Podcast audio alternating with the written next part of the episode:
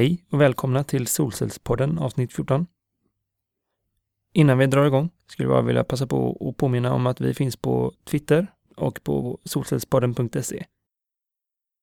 Vill ni ha snabba svar så skulle jag föredra Twitter. Eh, det är där som vi är mest uppdaterade så att säga. Men det går bra att kommentera på hemsidan eller på Facebook också. Ja, så från Marcus lägenhet i Hisingsbacka. Här kommer Solcellspodden avsnitt 14 med mig, Per Hedestedt och Marcus Eriksson.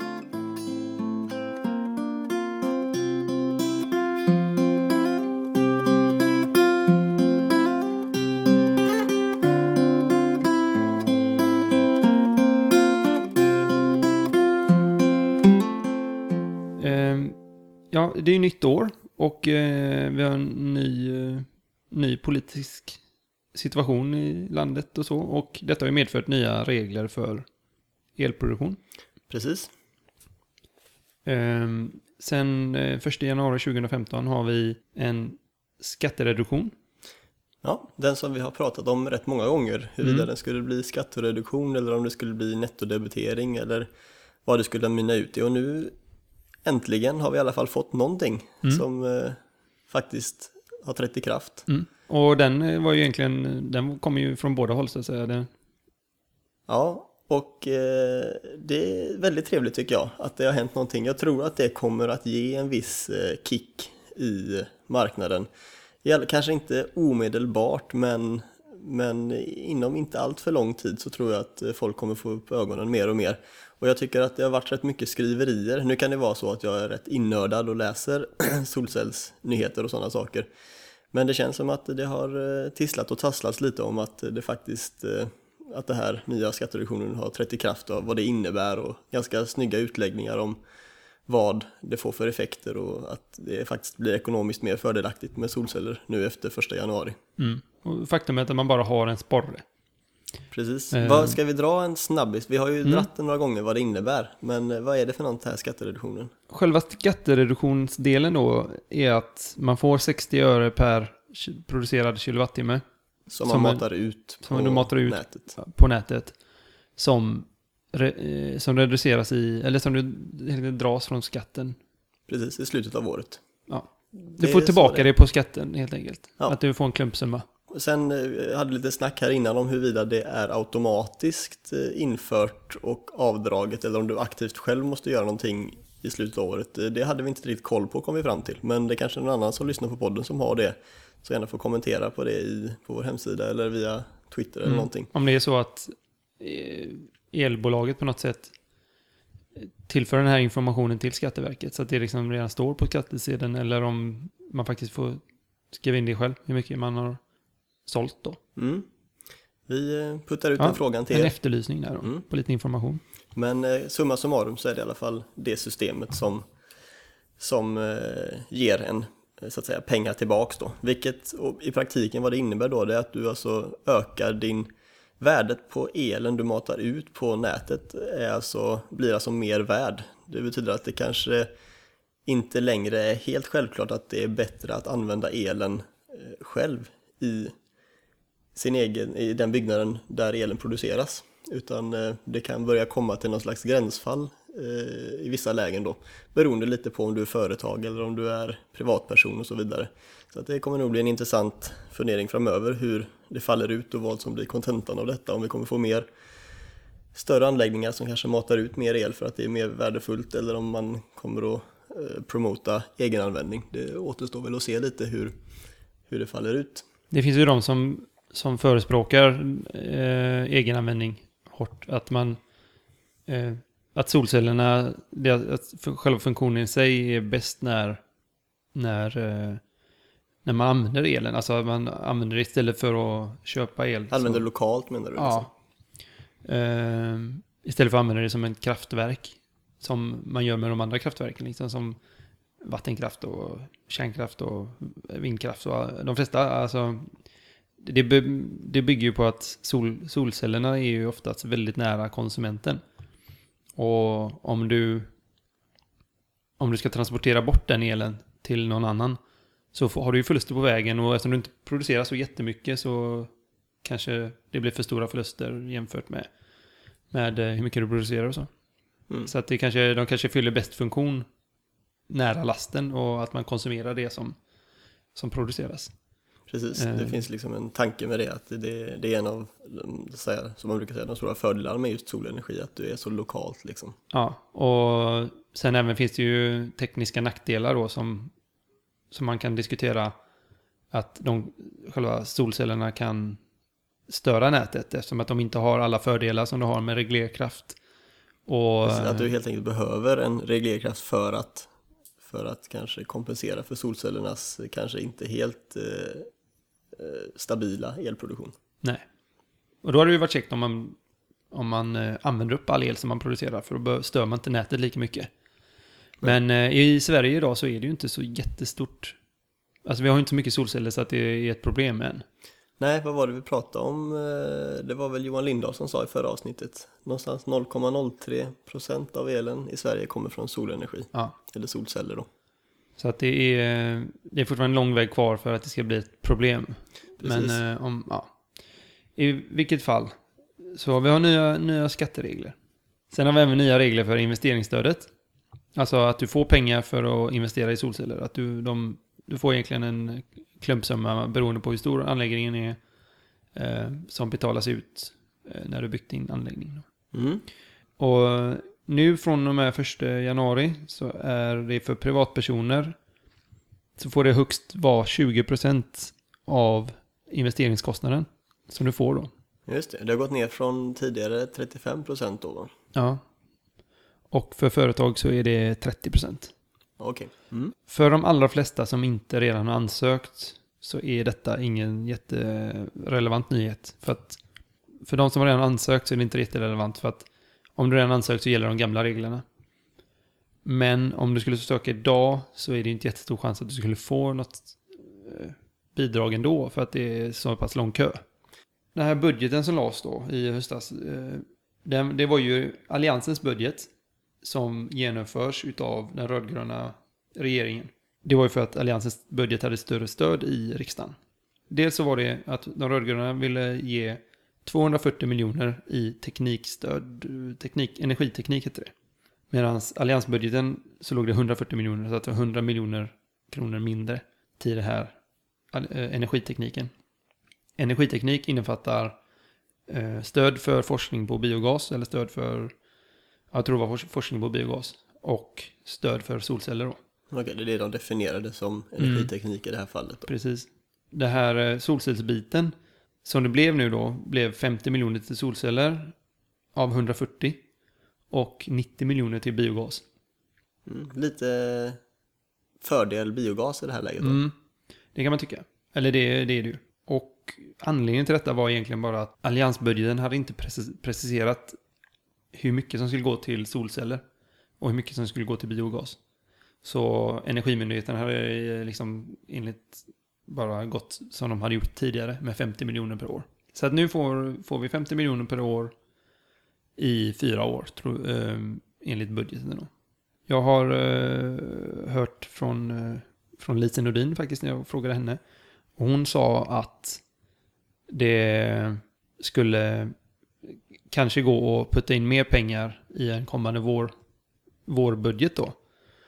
Ehm, och detta, denna diskussionen förs nu i regeringen att man skulle kanske kunna tillföra mer pengar på en vårbudget.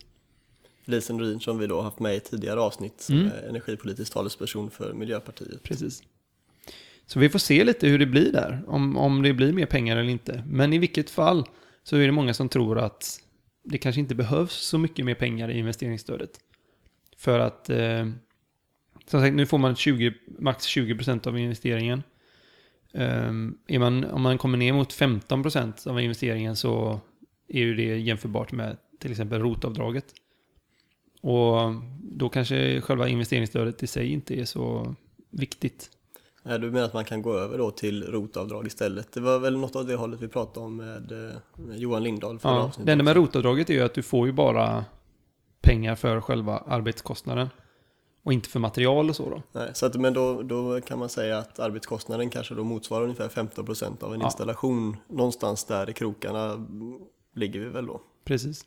det är ju så att systempriserna har ju sjunkit väldigt mycket de senaste åren. Så nu, vi är nere på den nivån att, att tekniken bär sig själv i stort sett. Att det är lönsamt att investera i solceller i de flesta skalorna. Och då, det är ju det som är syftet med subventioner, att vi ska liksom få igång det här tekniksprånget. Att man ska kunna investera trots att det inte är lönsamt. Mm. För att det är den miljövänliga eh, aspekten liksom. Sen så såg jag även på Bengts villablogg, Bengt Strid på ABB, som har en... eh, Han är, han, han är väl egentligen eh, den svenska... om, man- om, man, om man behöver något, veta någonting om solceller så kollar man hans blogg först. Mm, det är väldigt eh, bra källa till Ja. information, verkligen. Eh, och han skrev där att det är många som säger att, för det är väldigt olika priser på vad man får från de olika eh, elbolagen. Mm, och nu pratar vi alltså ersättningspriser för, för din sålda solel här. Precis. Och det var något bolag som gav 1,25 och något bolag som gav 1,75 eh, krona per kilowattimme då. Plus spotpris och sådana grejer. Plus spotpris. Och eh, i de här 1,25 då, som det var ett bra exempel för att eh, mom, momsen ingår där. Så att då är det egentligen bara en krona per kilowattimme som du får. Eh, och detta måste du då betala tillbaka på skatten nästa år. Så att och då det- måste du vara momsregistrerad och så vidare då va? precis, då får man gå in på Skatteverkets hemsida och momsregistrera sig först. Så man kan göra detta. Då eh, kanske vi skulle byta av med lite solcellsnyheter. Mm. Det, ju, det var ett tag sedan vi liksom gick igenom rena solcellssnacknyheter och vad som är på gång sådär. Det har varit som sagt tekniken och lite intervjuer och sånt så att det kan vara kul med lite, lite vad händer i världen grejer kring det. Eh, och eh, jag stötte på en artikel här i eh, den norska Aftenposten som den heter. Mm. Där skrev de om att eh, norsk industri är världsledande på tillverkning av kisel som är anpassat för just solceller. Mhm. Vilket var någonting som var lite nytt för mig ändå, att, eh, att de är så pass eh, duktiga på det. Eh, Ja, för man tänker ju inte Norge som ett solcellsland. Men å andra sidan, de har ju rätt så mycket eh, investering i förnybart och sånt tror jag. mm, och de uppenbarligen exporterar de då detta för Mm. tillverkning av solceller. Och det finns ju mycket som görs av kisel i och för sig, så det kanske finns fler anledningar till att tillverka kisel då, men just att det, solceller anpassade för eh, eller kisel är anpassat för solceller då, Mm. är, deras, är de väldigt duktiga på uppenbarligen. Eh, och eh, i den här artikeln då så stod det, det, det var en, en forskare som heter Birgit eh, Ryningen på Sintef eh, Material och Kemi Mm. så, eh, i Norge då, som, eh, som uttalar sig i den här artikeln. Eh, de hade ju som ganska starkt tycker jag argument här att de, de tror sig kunna bli konkurrenskraftiga mot Kina i den här solcellstillverkningen, alltså kiseltillverkningen, vilket man kan då tycka är lite konstigt för Kina gör ju saker väldigt billigt och väldigt stor skala.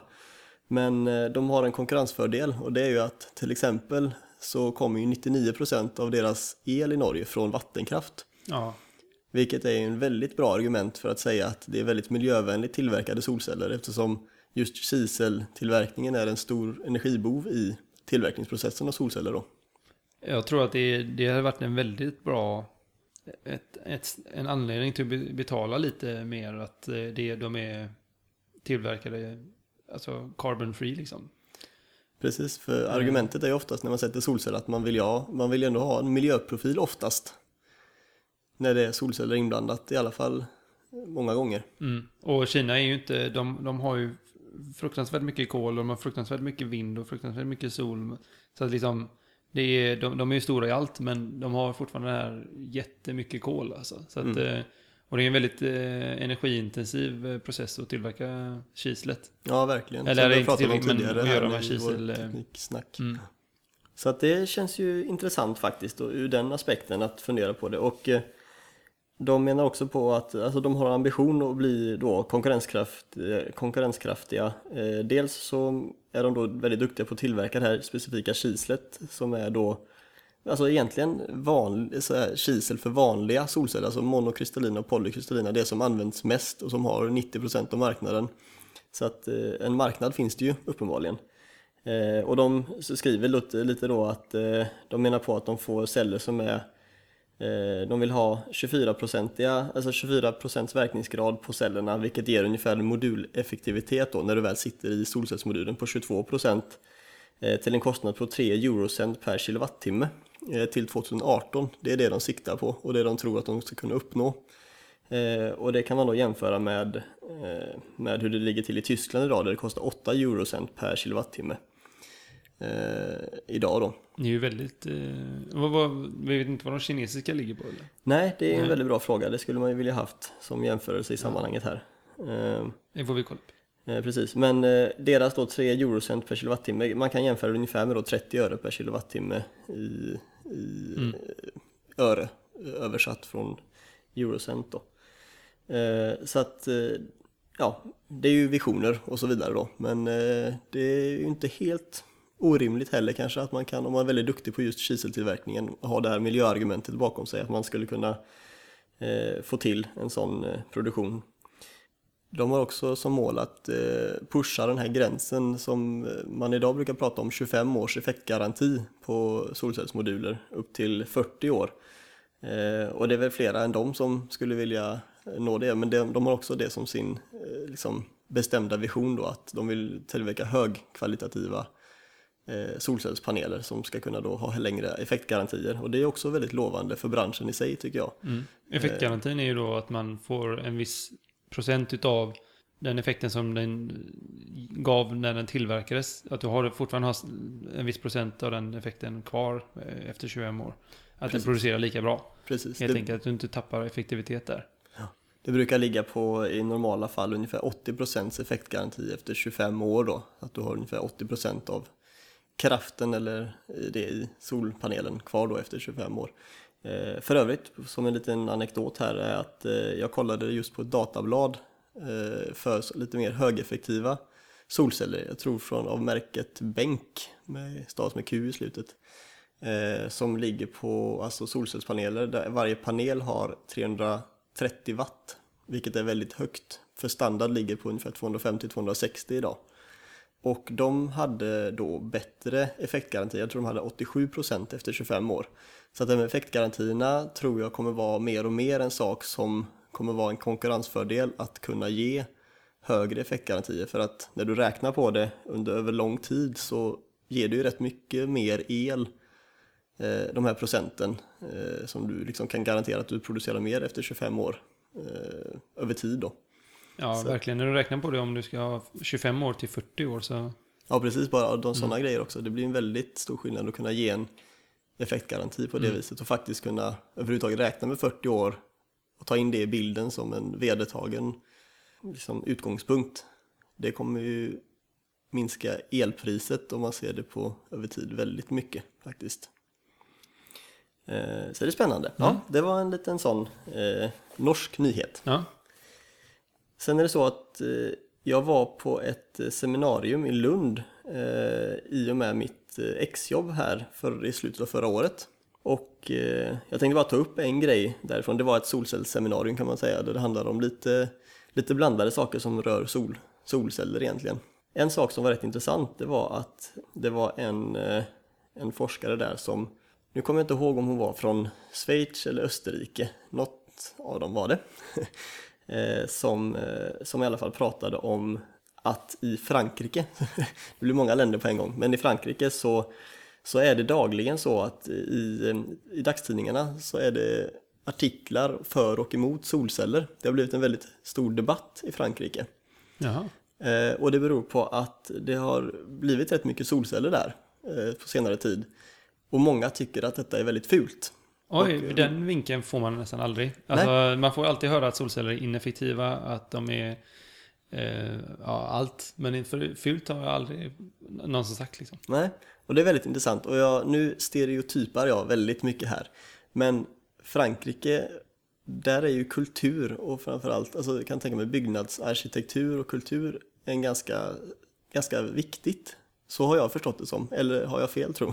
Nej, men det kan nog stämma. I alla fall i eh, alltså, pittoreska småstäder säkert. Är ja. de säkert lite konservativa och sen säkert i centrala Paris kan jag tänka mig att det är det ska bli mycket till att man ska sätta solceller på de här taken. Precis, kulturellt eh, märkta byggnader och så Ja. vidare. Och att det finns rätt mycket av det. Och, eh, det var intressant, de, hon tog ett exempel där för övrigt på en byggnad som, eh, det var något kloster tror jag. Där de hade då alltså täckt varenda yta av taken med solceller. Och till och med jag som tycker det är väldigt snyggt med solceller tyckte att det såg faktiskt ganska illa ut alltså.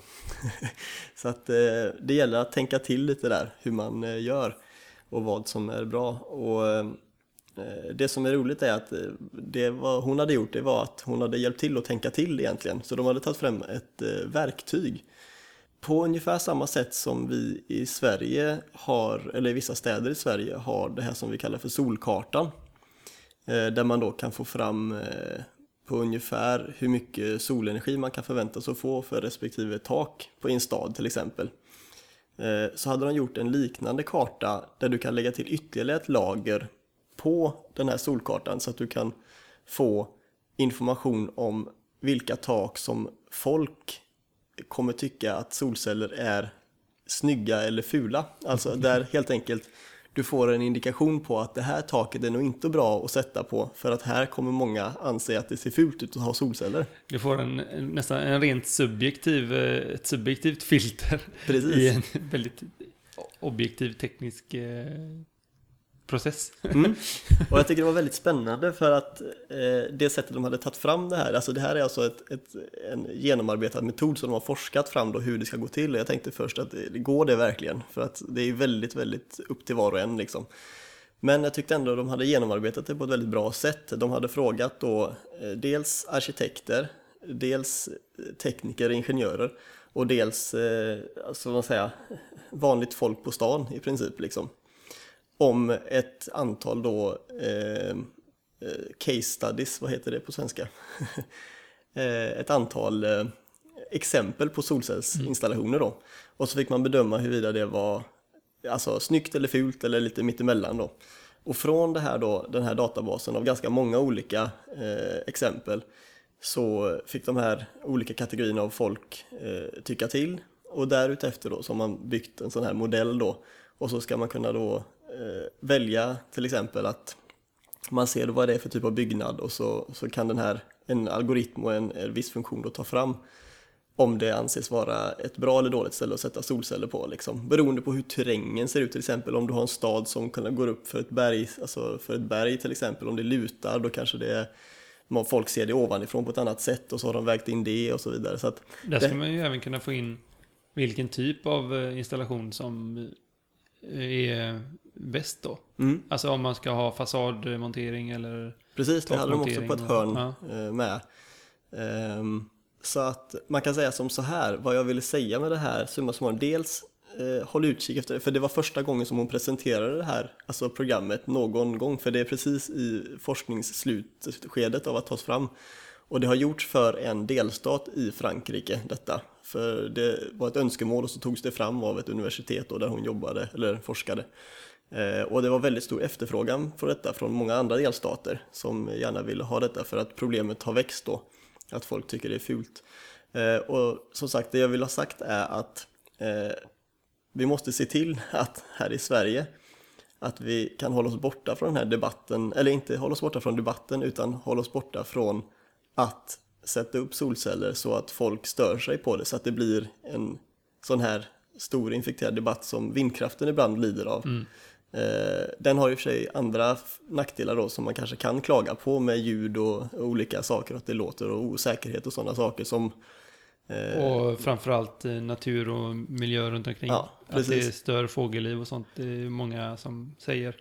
precis. Ehm, Så att man kan säga att det gäller att, att tänka till när man sätter upp solceller, alltså framförallt eh, lite personer som går före och är pionjärer och kanske också på kommun, alltså kommunhus och sådana offentliga byggnader, att man liksom gör det förhoppningsvis försöker tänka på att göra det lite snyggt från början, kanske snarare ibland snyggt än praktiskt. Det kanske jag får mothugg på att jag säger, men eh, det ska helst inspirera folk till att tycka att det är en bra grej, annars får vi liksom en en kanske likadant här, ett gäng artiklar i tidningarna som man måste eh, liksom bemöta då, där folk tycker att det faktiskt ser riktigt illa ut. Men sen, sen måste man ju även tänka hur kommer vi hur kommer vårt samhälle se ut om 50 år? Alltså, många är, många är konservativa tycker att det ska se ut som det har sett ut. Liksom. Får inte det här med, har vi en massa röda tegeltak här liksom, så kan inte en komma och sätta upp solceller där för att det bryter av och det ser inte snyggt ut. Liksom. Men hur, alltså, någonstans måste man fråga sig själv, när är vi redo för att liksom, förändra vår syn på hur ett samhälle ser ut och har sett ut? Eller hur... Det är, liksom, det är ofta så här, och det, det är som du sa vindkraften. Det är ju liksom... Väldigt ofta så är det, de som klagar på vindkraften är ju de som har liksom havsutsikt och vägrar acceptera att den kan brytas av någonting.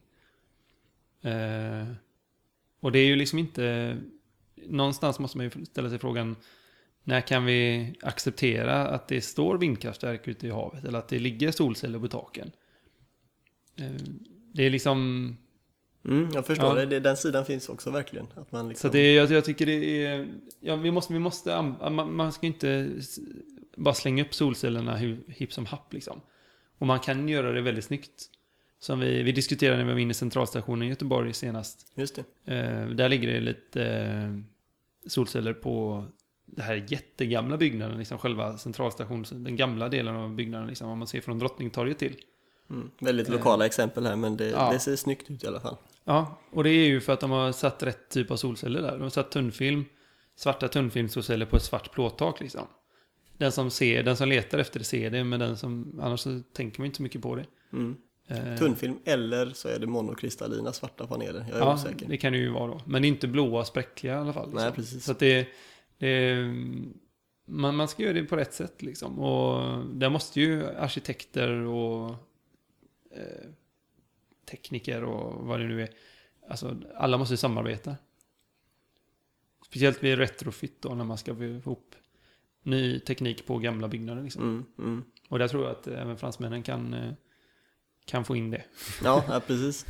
Nej, så att det, nej, jag håller med dig om att det kommer komma någon punkt när man väljer huruvida alltså, funktionen ska vara mer värd än att man får förändra på byggnader liksom. Mm. Och det, det, är inte det, det, det, är så subjektivt ofta att säga att det är fult eller fel. Medan eh, det som många är rädda för är förändringen liksom. Mm.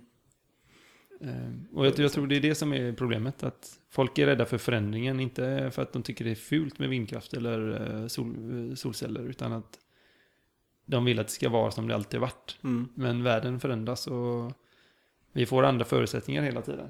Mm. ja. Då får vi besök av Ni kanske hörde något ljud i bakgrunden. Det var en katt som kom gående.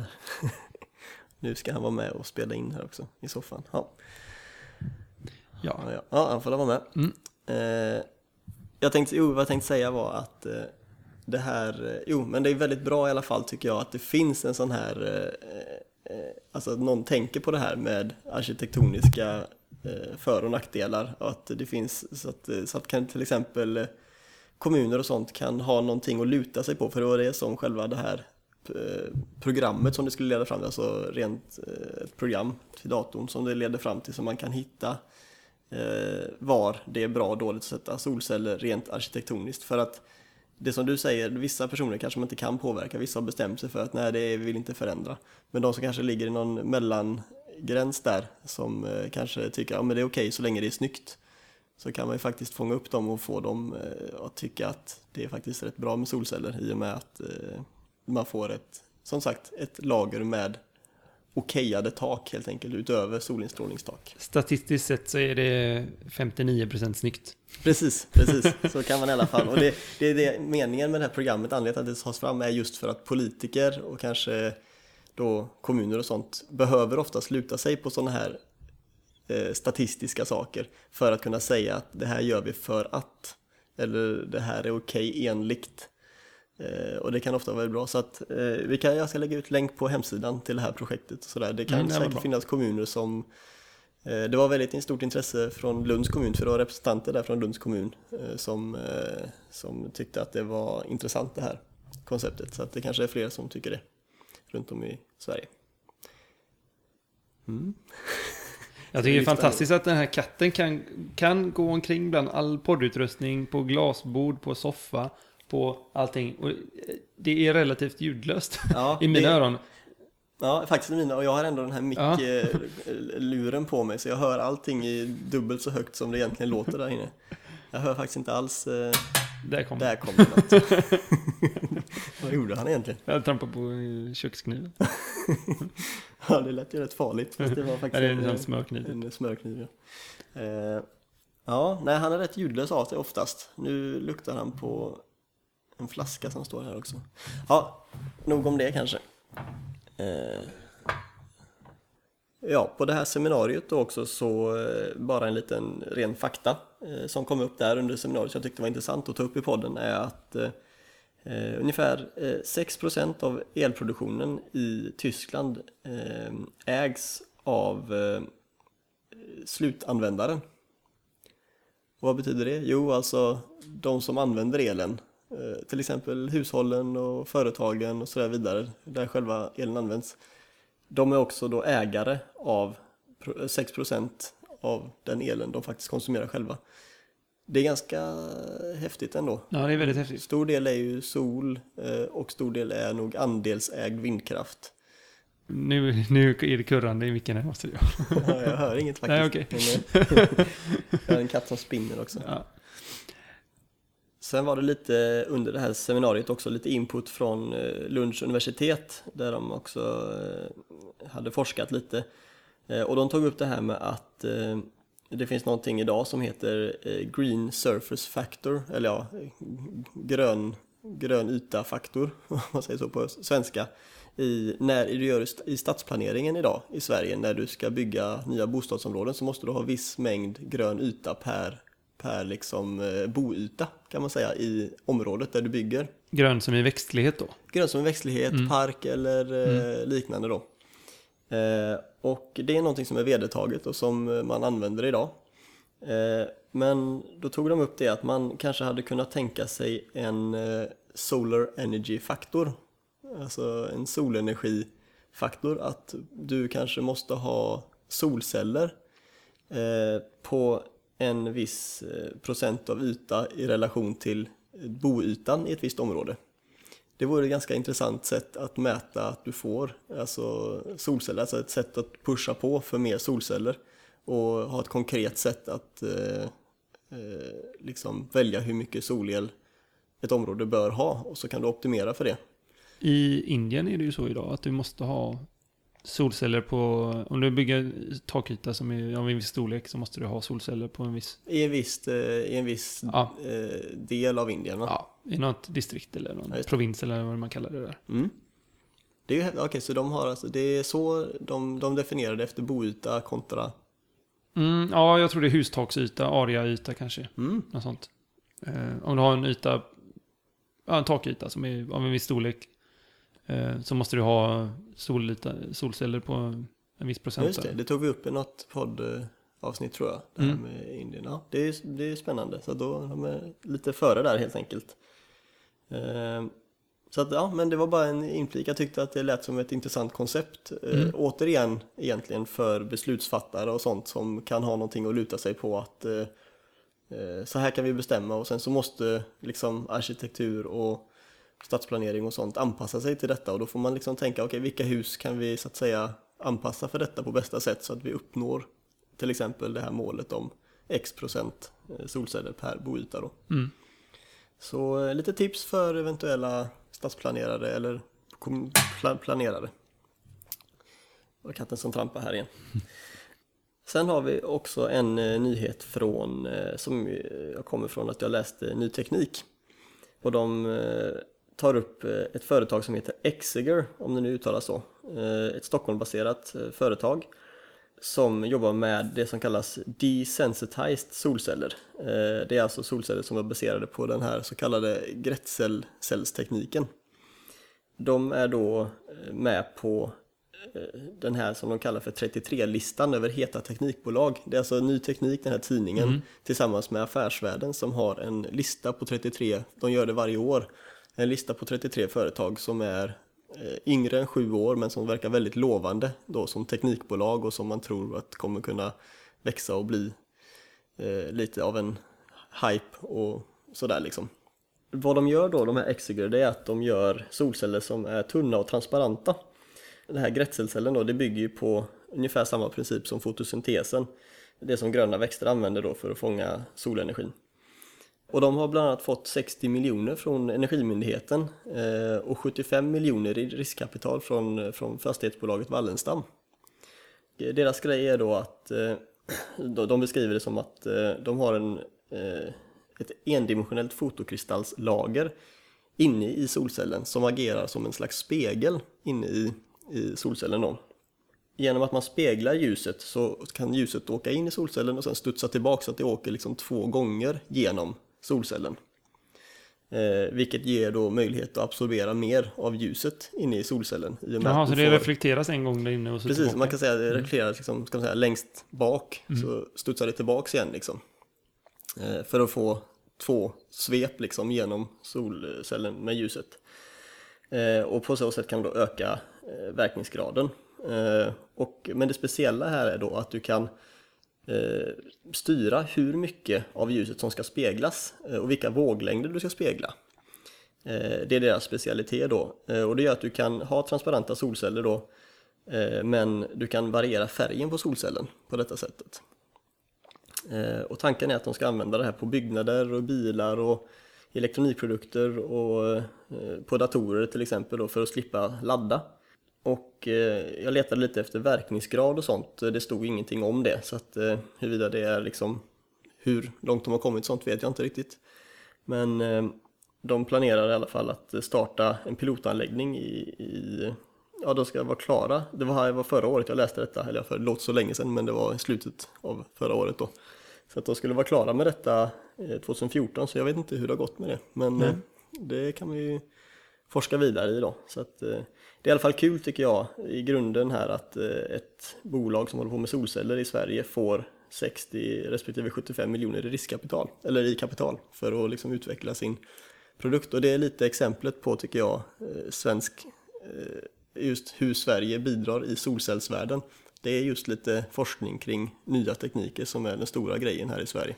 Jag stötte på ett företag som jag tror heter Revive Energy, något sånt. Som eh, också kändes som ett, som ett, det var något Chalmers startup tror jag. Där de eh, eh, jobbar med vibrationer. Detta har vi diskuterat, jag tror inte vi gjort det i podden. Men vi, dis, vi har diskuterat att man borde kunna ta tillvara på vibration, energin i vibrationer liksom. Och det är precis det de gör. De tar tillvara på energin i vibrationerna, de har något membran som vibrerar och så kan detta då ladda sensorer och sånt som sitter ute i trafik och på alla möjliga ställen liksom.